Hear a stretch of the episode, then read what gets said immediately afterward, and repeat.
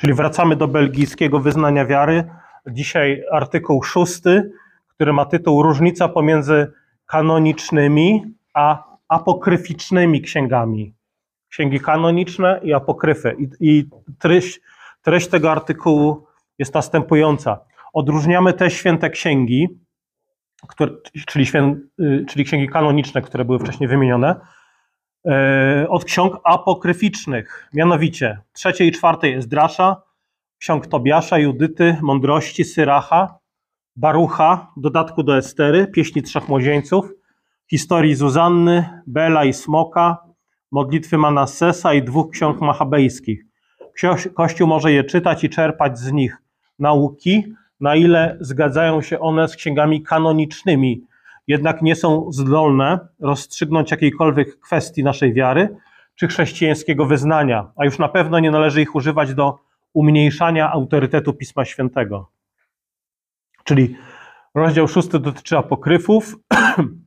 Słowo apokryf e, oznacza ukryty, sekretny i o większości apokryfów Starego Testamentu, bo tutaj za chwilę powiem o różnicy w kanonie między Kościołem katolickim a protestanckimi. E, większość e, apokryfów Starego Testamentu wiemy, że zostały napisane pomiędzy 300 a setnym rokiem przed narodzeniem Chrystusa. Ojcowie Kościoła mówili o tych księgach właśnie jako o apokryfach, ponieważ ich pochodzenie było nieznane. Dlatego to słowo apokryf, czyli sekretny, ukryty, synody w Laodycei i Konstantynopolu odrzuciły je jako niekanoniczne. Laodycea rok 364, Konstantynopol 681, Y, I problem z apokryfami jest taki, y, czy dyskusja w tym temacie jest taka, że kościoły katolicki i prawosławne nazywają część apokryfów księgami deuterokanonicznymi i są one częścią kanonu. Y, wydań, wydaniach Biblii w kościele katolickim na przykład. My wciąż nazywamy je apokryfami. I teraz dlaczego? skąd te różnice w ogóle, zaczynając od nas w ogóle, bo my mówimy apokryfy, Kościół katolicki mówi nie, to są księgi deuterokanoniczne.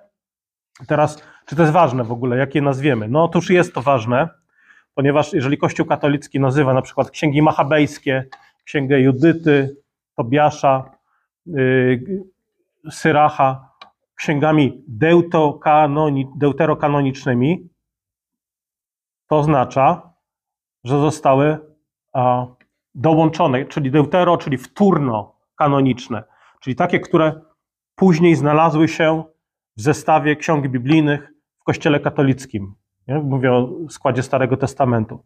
Czyli katolickie Biblie mają księgi, my byśmy powiedzieli, apokryficzne, oni nazywają to deuterokanoniczne, które jednak odróżniają od kanonicznych, ale nadają im tę samą rangę i autorytet. Nazywają to te księgi również Słowem Bożym, Przyznam, że kiedy dowiedziałem się o tej różnicy w, kan- w składzie kanonu między kościołem protestanckim a katolickim, no to byłem zdziwiony. Ja akurat wtedy studiowałem teologię w Warszawie na Akademii Teologii Katolickiej i mm, miałem przedmiot wprowadzenie do Starego Testamentu i tam ksiądz prowadził te zajęcia i podał listę ksiąg, a ja akurat miałem, e, miałem przy sobie tę, tą Biblię. No i patrzę, nie ma tego. Nie ma tych ksiąg, które tu ksiądz wymienił, no i podszedłem do niego po wykładzie i mówię, no ale e, dlaczego ksiądz wymienił tutaj dwie machabejskie, Tobiasza, Syracha, Barucha i tak dalej. Mówię, no tu nie ma. A on sprawdził ten spis treści tutaj, mówi, a, bo pan ma e, protestancką Biblię. Ja, ja mówię, co? Ja, ale jak? To jest protestancka, katolicka? Myślałem, że Biblia jest jedna. No i wtedy zapytałem go właśnie, no ale jak protestancka, z czego ta różnica wynika? On wtedy mi nie wyjaśnił, powiedział, y, może do tego dojdziemy tam w toku który, któregoś wykładu, ale generalnie nie wyjaśnił mi tego, więc wróciłem do domu zaciekawiony, dlaczego ta różnica jest. No i sam zacząłem gdzieś tam szukać różne źródła, yy, czytać na ten temat. No i właśnie, tutaj my jako protestanci mówimy, że Kościół katolicki ma dodanych siedem ksiąg, które my nazywamy apokryfem, apokryfami. w składzie Staro, Starego Testamentu. Y, katolicy mówią, że to nie są apokryfy, czyli y, y, katolicy używają terminu apokryfy wobec ksiąg, które my jako protestanci nazywamy pseudoepigrafami. To są księgi, powiedziałbym, mocno legendarne, nieuznawane za natchnione nigdy przez nikogo, a zaliczają się do nich takie księgi jak list Arysteasza, w niebo wstąpienie Izajasza, w niebo wzięcie Mojżesza, y, apokalipsa Abrahama. Y, są też pseudoepigrafy y, odnoszące się do, do Nowego Testamentu. Na przykład Ewangelie Bartłomieja, Andrzeja, Nikodema, Barnaby. Jest z tego, co czytałem, około 17 Ewangelii gnostyckich. Tutaj Kościół nigdy nie miał problemu z tym, żeby te księgi odrzucić. E, pseudoepigrafy, dlatego że ta nazwa bierze się stąd, że autor, który spisał te księgi, podszywał się po prostu pod biblijną postać, aby nadać swoim pismom wyższy autorytet i rangę. Pseudoepigrafy nigdy nie były w chrześcijaństwie uważane za wartościowe doktrynalnie. Nawet e, w przeciwieństwie do apokryfów, bym powiedział, są szkodliwe odciągające od prawdy. Yy, apokryfy troszkę inaczej traktujemy, ponieważ jednak apokryfy, chociaż nie są Słowem Bożym, mają w jakimś sensie literacką wartość. Tak jak na przykład wartość mają pisma, yy, kroniki na przykład Józefa Flawiusza. Nie są natchnione, ale możemy uczyć się yy, faktów z historii na podstawie tych pism. Nie ma nic złego w czytaniu apokryfów, na przykład w księgach machabejskich. E, jak czytamy księgi machabejskie, to jest właśnie jeden z tych apokryfów, który został dołączony do kanonu katolickiego jako księga deuterokanoniczna. Te księgi mają swo, swoją wartość i znaczenie chociażby historyczne. I teraz powstaje pytanie, dlaczego my jako protestanci odrzucamy tę część ksiąg, te siedem ksiąg, a prawosławni i katolicy je przyjmują. Czyli czy my coś odrzuciliśmy, czy oni coś dodali. Generalnie, e, jak poczytacie sobie o źródłach historycznych, to e, wielu historyków mówi o istnieniu dwóch kanonów Starego Testamentu. Jeden to jest kanon hebrajski, używany, no właśnie to, co my mamy, to jest kanon hebrajski. To jest coś, co uży, u, u, używali Żydzi. E, był kształtowany przez, oczywiście przez wieki. Ciekawostka jest taka, że na przełomie pierwszego i drugiego stulecia po Chrystusie Żydzi zgromadzeni w Jamni, zrobili wykaz ksiąg biblijnych Starego Testamentu i właśnie to, jest, to, to się zbiega z tym, co my tutaj mamy. To jest 39 ksiąg Starego Testamentu. Yy, możemy przypuszczać, że Jezus używał właśnie Biblii yy, takiej, jak, której kształt ustalono właśnie w Jamni. Drugi kanon, mówi się, że to jest kanon aleksandryjski, i powstał w ramach tłumaczenia właśnie pism Starego Testamentu na język grecki. E, powstała wtedy na przykład między innymi Septuaginta, czyli chyba takie najsłynniejsze tłumaczenie Starego Testamentu na język grecki. To jest przekład, który powstał pomiędzy 280 a 130 rokiem przed Chrystusem. E, na 350 cytatów w Starym Testamencie w języku greckim 350 cytatów Starego Testamentu w Nowym, czyli to są cytaty ze Starego, ale już przetłumaczone na grecki, bo Nowy Testament był w greckim języku pisany. Na 350, 300 cytatów pochodzi właśnie z Septuaginty. E, co ciekawe, ta Septuaginta zawiera właśnie te księgi deuterokanoniczne, które Kościół katolicki nazywa deuterokanonicznymi, ale ma więcej ksiąg. To nie tylko to, tam jest, tam jest więcej, więcej ksiąg, których też katolicy też nie uznają. E, niektóre z tych ksiąg są tłumaczone bardzo, bardzo, że tak powiem, swobodnie. I brak zgody co do natchnienia pewnych ksiąg dotyczył, e, dotyczył nie tylko Starego Testamentu, ale też również Nowego Testamentu, że były w pierwszym kościele oczywiście dyskusje na temat tego, co z tych pism już po Chrystusie jest, co jest księgą kanoniczną. Na przykład, no później wiemy, że Luther podważał na przykład kanoniczność, zastanawiał się nad listem Jakuba, mówił, że to jest słomiany list, miał jakieś napięcia związane z tym, że jak pogodzić list Jakuba, który mówi, że wiara bez uczynków jest martwa, z listem do Rzymian, który mówi, że usprawiedliwieni jesteśmy wyłącznie z wiary.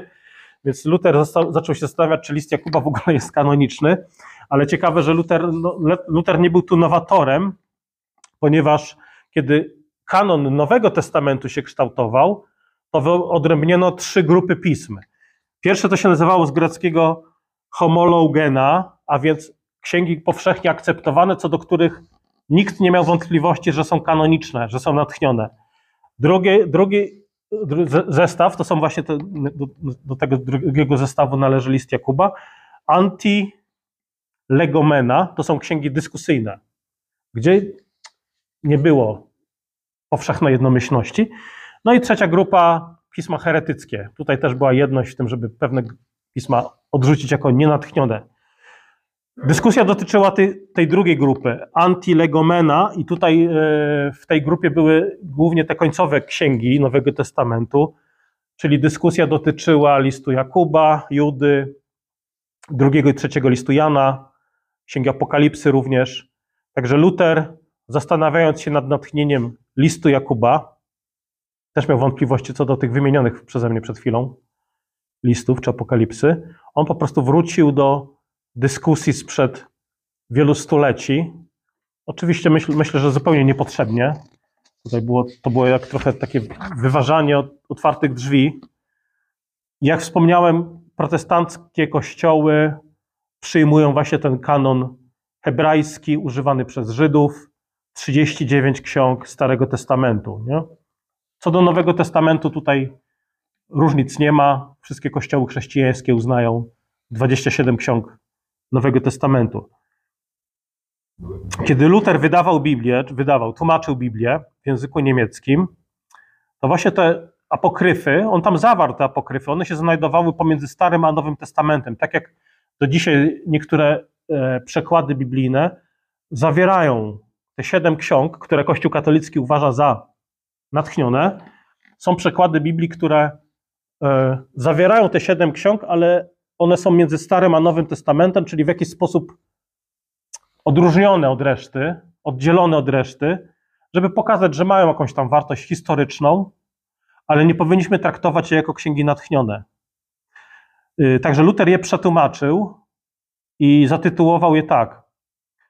To są apokryfy, to znaczy księgi, które nie mogą być traktowane tak jak księgi biblijne, są jednak użyteczne i dobre do czytania. Yy, czyli są dobre do czytania, nie, powinny, nie powinniśmy się ich bać. Nie, po, nie są one jakimś zagrożeniem dla naszej wiary. Yy, dlaczego więc mimo odrzucenia kanoniczności apokryfów, Kościół katolicki je dołączył i powiedział, że są natchnione, są czytane powszechnie w Kościele katolickim jako Słowo Boże. I teraz dlaczego tak się stało? No są dwie teorie. Jedna, jedna jest taka, że E,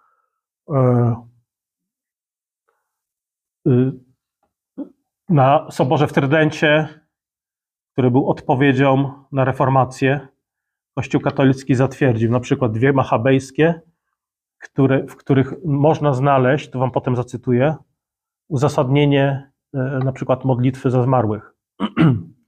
Czyli ta księga na przykład utrwalała, y, podpierano się księgą machabejską, żeby utrwalić na przykład praktykę nie tylko modlić za zmarłych, ale też praktykę odpustów.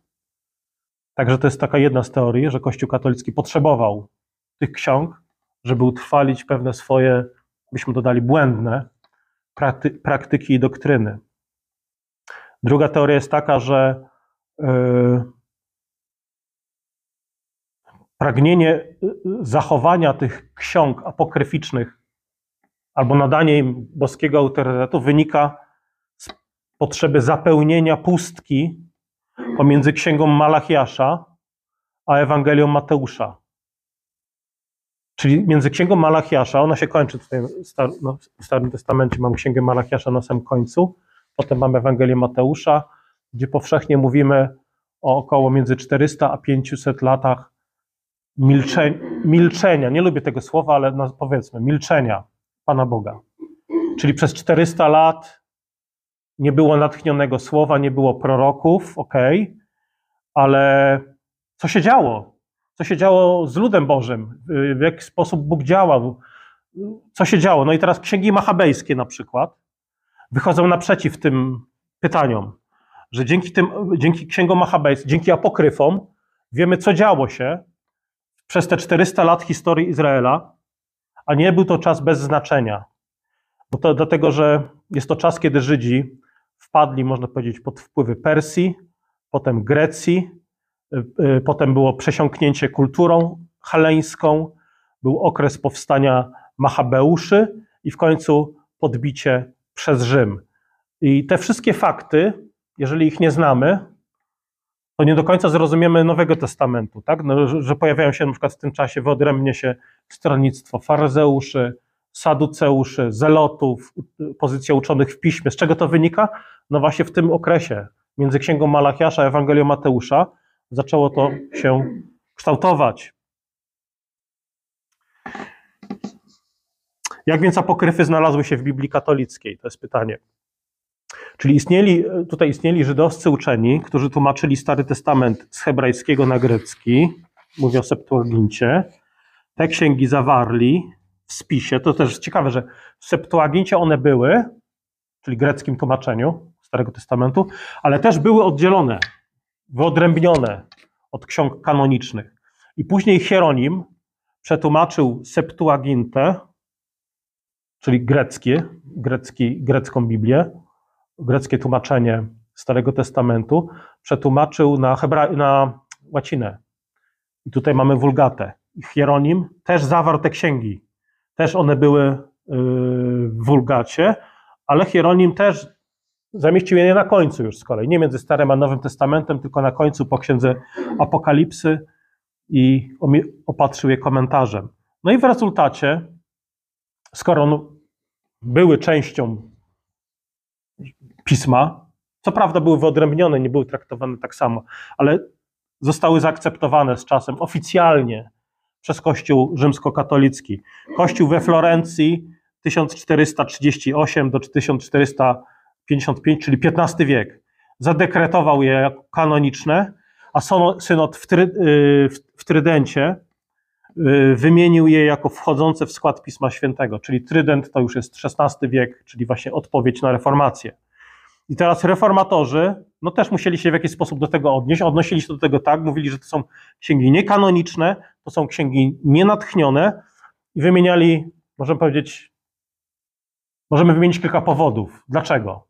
Po pierwsze, Kościół Starego Testamentu nie rozpoznawał ich jako natchnionych, czyli Izrael. Nigdy nie są cytowane, nie tylko E, przed przyjściem Jezusa, ale też po przyjściu Jezusa. Nigdy mamy mnóstwo cytatów w Nowym Testamencie. Jezus odnosi się wielokrotnie do Starego Testamentu. Apostołowie cytują wiele proroctw i zapowiedzi ze Starego Testamentu. Nie ma ani jednego cytatu z ksiąg apokryficznych w Nowym Testamencie. Jest 260 cytatów aż ze Starego Testamentu. 260 cytatów. I to, jest, I to są cytaty ze wszystkich ksiąg Starego Testamentu, oprócz czterech. Czyli 39 z 35 ksiąg, oprócz czterech. Ale nie ma cytatów z tych siedmiu ksiąg, które Kościół katolicki dodał, czy uznaje jako natchnione. Dalej, brak w tych księgach jest y, wzmianek o przyjściu Mesjasza. W Starym Testamencie jest, tak jak nawet dzisiaj mówiliśmy na kazaniu, jest, Stary Testament jest przepełniony nadzieją przyjścia Mesjasza w każdej księdze. W apokryfach tego nie ma. Yy, dalej, żaden z autorów tych ksiąg apokryficznych nie twierdzi jednoznacznie, że przekazuje Słowo Boże. Kiedy czytamy różne pisma prorockie, to czytamy jasne oświadczenia proroków. Tak mówi Pan. Nie, że to ta, sama księga woła o sobie, że ma boskie źródło i pochodzenie. Te księgi niczego takiego nie posiadają. Nawet więcej, e, same apokryfy kwestionują swoje własne pochodzenie. Tutaj wam przeczytam z Księgi Machabejskiej, druga Machabejska 15:37, jak autor mówi o samej księdze, którą spisał. A skoro w ten sposób zakończyły się sprawy odnoszące się do Nikanora i od tamtych czasów miasto pozostawało w rękach Hebrajczyków, ja sam również zakończę opowiadanie. Jeżeli teraz, jeżeli jest ono piękne, jeżeli jest ono pięknie i zgrabnie ułożone, to tego właśnie ja sam chciałem. Jeżeli zaś małą ma wartość i jest przeciętne, to zrobiłem, co było w mej mocy. Nie, czyli sam jakby tutaj mówi, że pod siebie, nie? Y, dalej, kolejny argument. Księgi apograficzne zawierają nauczanie, które stoi w sprzeczności z innymi księgami biblijnymi. Zawierają błędy historyczne, chronologiczne, nieścisłości geograficzne. Na przykład Tobiasz twierdzi, że żył, kiedy Jeroboam się zbuntował i Asyria podbiła Izrael. I teraz w księdze Tobiasza czytamy, że on żył 158 lat, natomiast te dwa wydarzenia, e, gdzie twierdzi, że żył, są oddzielone od siebie w czasie o ponad dwie, około 200 lat. Nie? To jest taki, no, taka jakaś nieścisłość e, historyczna, chronologiczna. Dalej, w księdze Judyty. Judyta błędnie identyfikuje Nebukadnezara jako, księg, jako króla Asyryjczyków, czyli ten słynny król babiloński jest nazywany królem Asyryjczyków. To jest po prostu błąd historyczny. Tak? Bóg się nie myli. Nie możemy nazywać Słowem Bożym czegoś, co zawiera błędy. Yy. Są zabobony, na przykład Tobiasz popiera zabobonne użycie wątroby rybnej, żeby odeprzeć demony, na przykład coś takiego, nie? Yy, utrwalanie właśnie jałmużny. Jałmużna, która yy, w księdze Tobiasza czytamy, że jałmużna uwalnia od śmierci i oczyszcza z każdego grzechu. Jałmużna, nie ofiara zastępcza, nie krew baranka. Yy, jałmużna. Ci, którzy dają jałmużnę, nasyceni będą życiem. To jest księga Tobiasza 12, 9. Modlitwa za zmarłych też. Księga druga Machabejska 12, 12:44. Gdyby bowiem nie był przekonani, że ci zabici zmartwychwstaną, to modlitwa za zmarłych byłaby czymś zbędnym i niedorzecznym. Lecz jeśli uważał, że dla tych, którzy pobożnie zasnęli, jest przygotowana najwspanialsza nagroda, była to myśl święta i pobożna. Dlatego właśnie sprawił, że złożono teraz ofiarę przebłagalną za zabitych, aby zostali uwolnieni od grzechu. Także nic dziwnego, że Kościół katolicki też e, uznaje tę księgę, chociażby właśnie, żeby utrwalić e, odpusty, modlitwy za dusze czyśćcowe, za odpowiednią opłatę i tak dalej. Zastosowanie tego, o czym mówimy. Pamiętajmy, księgi apograficzne to jest, no, one są różnorodne. To, to są kompozycje.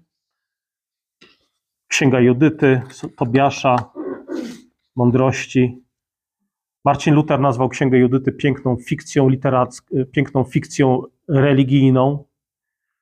Y, ale mamy księgi historyczne, na przykład księgi machabejskie. To są księgi, które opisują powstanie Machabeuszy, czyli sprzeciw Żydów wobec zaprowadzenia y, w świątyni pogańskiego kultu boga Zeusa.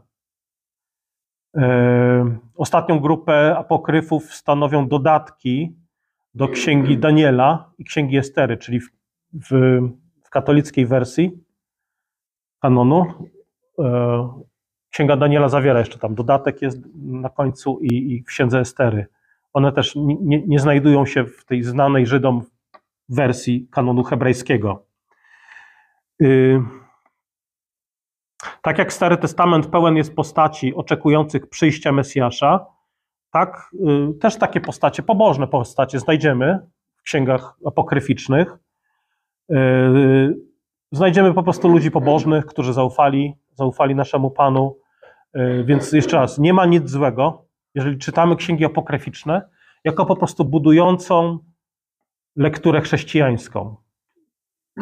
Może żywot, żywoty świętych Starego Testamentu, ale jeszcze raz, nie jako księgę natchnioną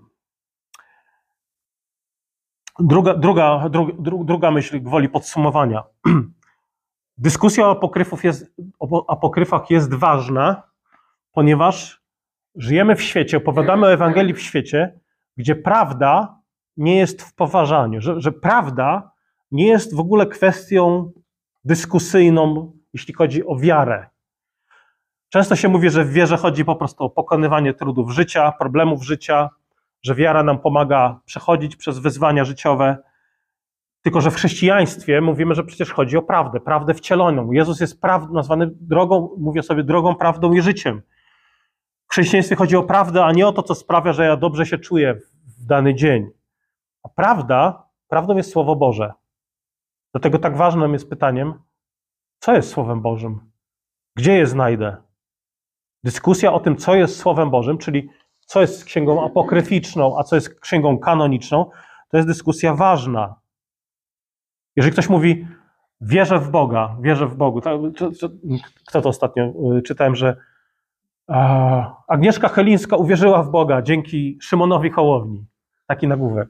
Że, że, to, jest, że to jest po prostu yy, pobożny człowiek, no może jest, ja nie znam jego życia, ale że jest wielka sensacja, bo uwierzy, celebrytka, nieznana znana artystka i piosenkarka Agnieszka Chelińska uwierzyła w Boga, ale yy, nie wiem, czy, chyba nie, nawet nie kliknąłem tego, ale yy, można by zadać pytanie, ale co, co więcej powie, że uwierzyła w Boga jak diabeł, czy uwierzyła w Boga jak nawrócony Nebukadnezar, czy jak kto? Y, ktoś mówi, uwierzyłem w Boga. No super, że uwierzyłeś w Boga, ale co dalej?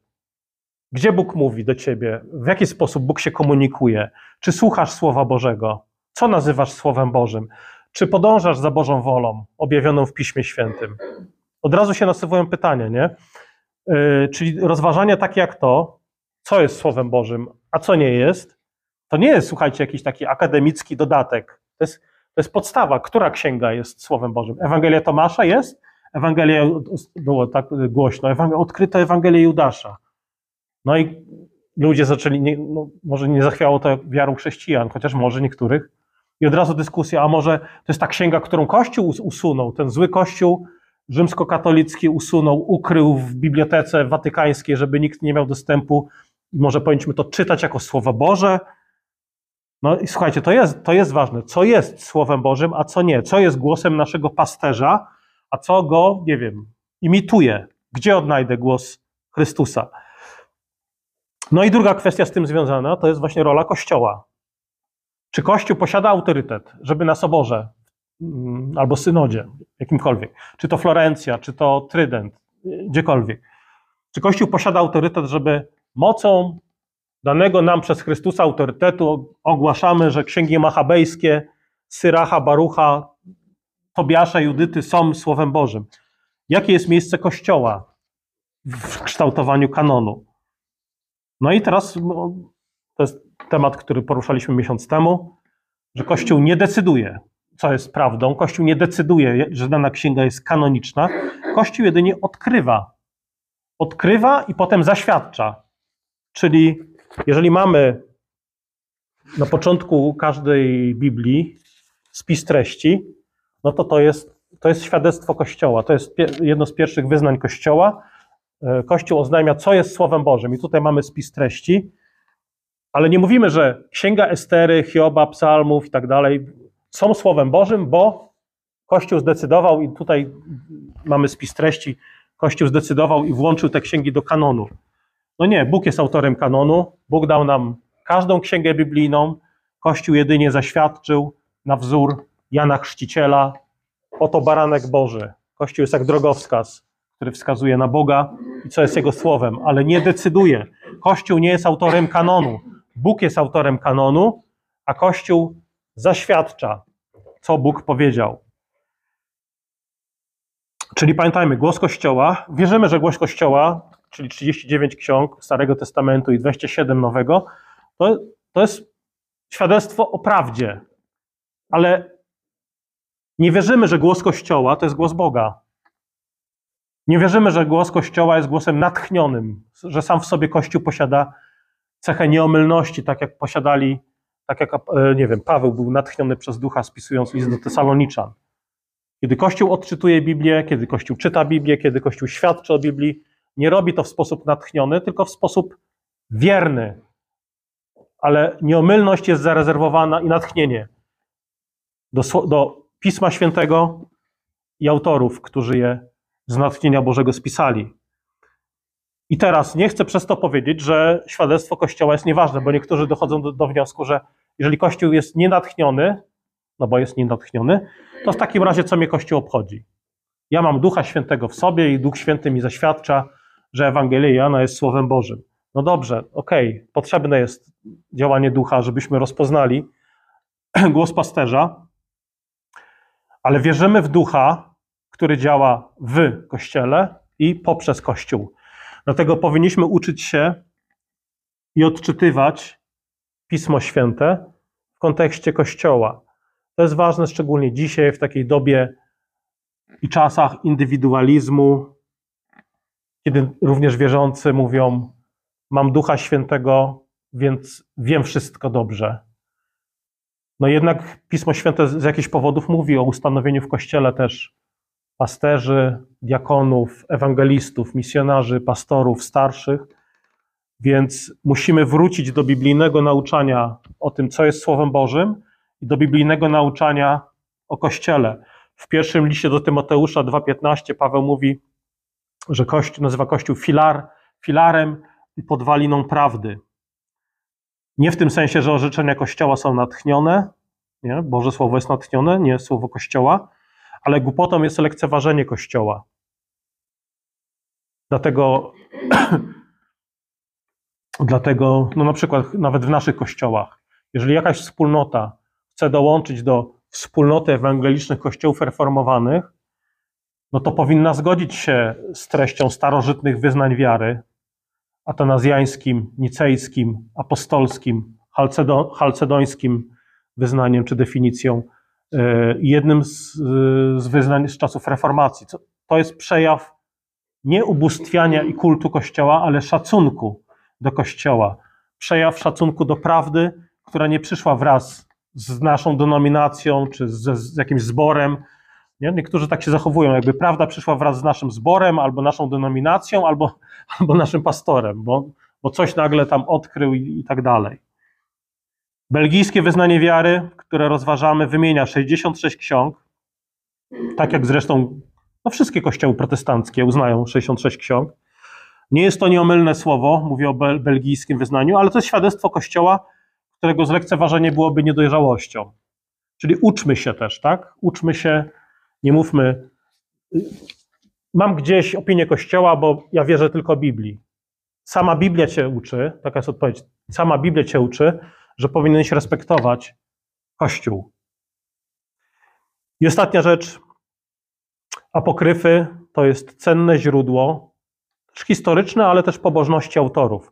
Opisują historię, chociaż nie bezbłędnie, także nie ma nic złego w cytowaniu ich, o ile pamiętamy, że ich słowa nie są rozstrzygające. Także nie walczymy z apokryfami. Nie niepokoimy się, kiedy ktoś je czyta, nie nazywamy je heretyckimi, tak? Księgi machabejskie to nie są heretyckie księgi, podobnie jak Barucha czy Judyty. Y, nie ma nic złego w odnoszeniu się do nich, czy cytowaniu ich, jeżeli rozumiemy, że to nie jest rozstrzygające źródło. I na koniec jeszcze jeden ważny argument za zainteresowaniem się treścią apokryfów. Y, archeolodzy te, co jakiś czas odkrywają różne starożytne zwoje, w tym właśnie apokryfy, czy te pseudoepigrafy, kiedy ktoś podaje się za jakiegoś Mojżesza, Salomona, oto nowy Salomon, nowy Mojżesz, apokalipsa Abrahama i tak dalej. Jako chrześcijanie powinniśmy umieć się do tego odnieść, żeby właśnie tego typu sensacje, bo te pisma mogą być jeszcze odkrywane w przyszłości, żeby tego typu historie nie zachwiały naszą wiarą, że ojej, pewne, coś nam umknęło w Słowie Bożym, coś tam Kościół wyciął, coś się zgubiło i teraz nagle się znalazło. Także to jest kolejny argument, żebyśmy w temacie apokryfów no też mieli zrównoważone biblijne poznanie. To tyle. Zakończymy, zakończymy modlitwą. Drogi Ojcze, dziękujemy Tobie za Twoje słowo. Ucz nas, Panie, y, słyszeć, widzieć, dostrzegać głos pasterza, rozpoznawać go pośród wielu innych głosów, nawet tych, które, które sobie roszczą właśnie tego typu y, miano. Dziękujemy Tobie za Twoje słowo, które jest od A do Z w całości natchnione, bezbłędne, pożyteczne do nauki, wykrywania błędów, do poprawy, abyśmy byli y, doskonali w naszej wierze, naszym poznaniu, naszym, naszym posłuszeństwie. I prosimy Cię o to w imieniu Jezusa. Amen.